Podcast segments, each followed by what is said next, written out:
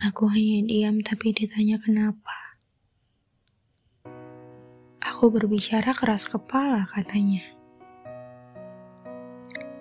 Ini bagaimana? Aku bilang aku sudah tak kuat lagi. Tapi katanya aku berlebihan. Lalu aku harus berbuat apa? Selalu harus berdiri memahami semua sisi sementara kakiku sudah hampir tak kuat berdiri. Ku bilang sesekali pahami aku. Aku hanya ingin kalian tahu bahwa selama ini aku mencoba menengahi semuanya. Aku berusaha diam, berusaha tertawa, beraktivitas dengan riang.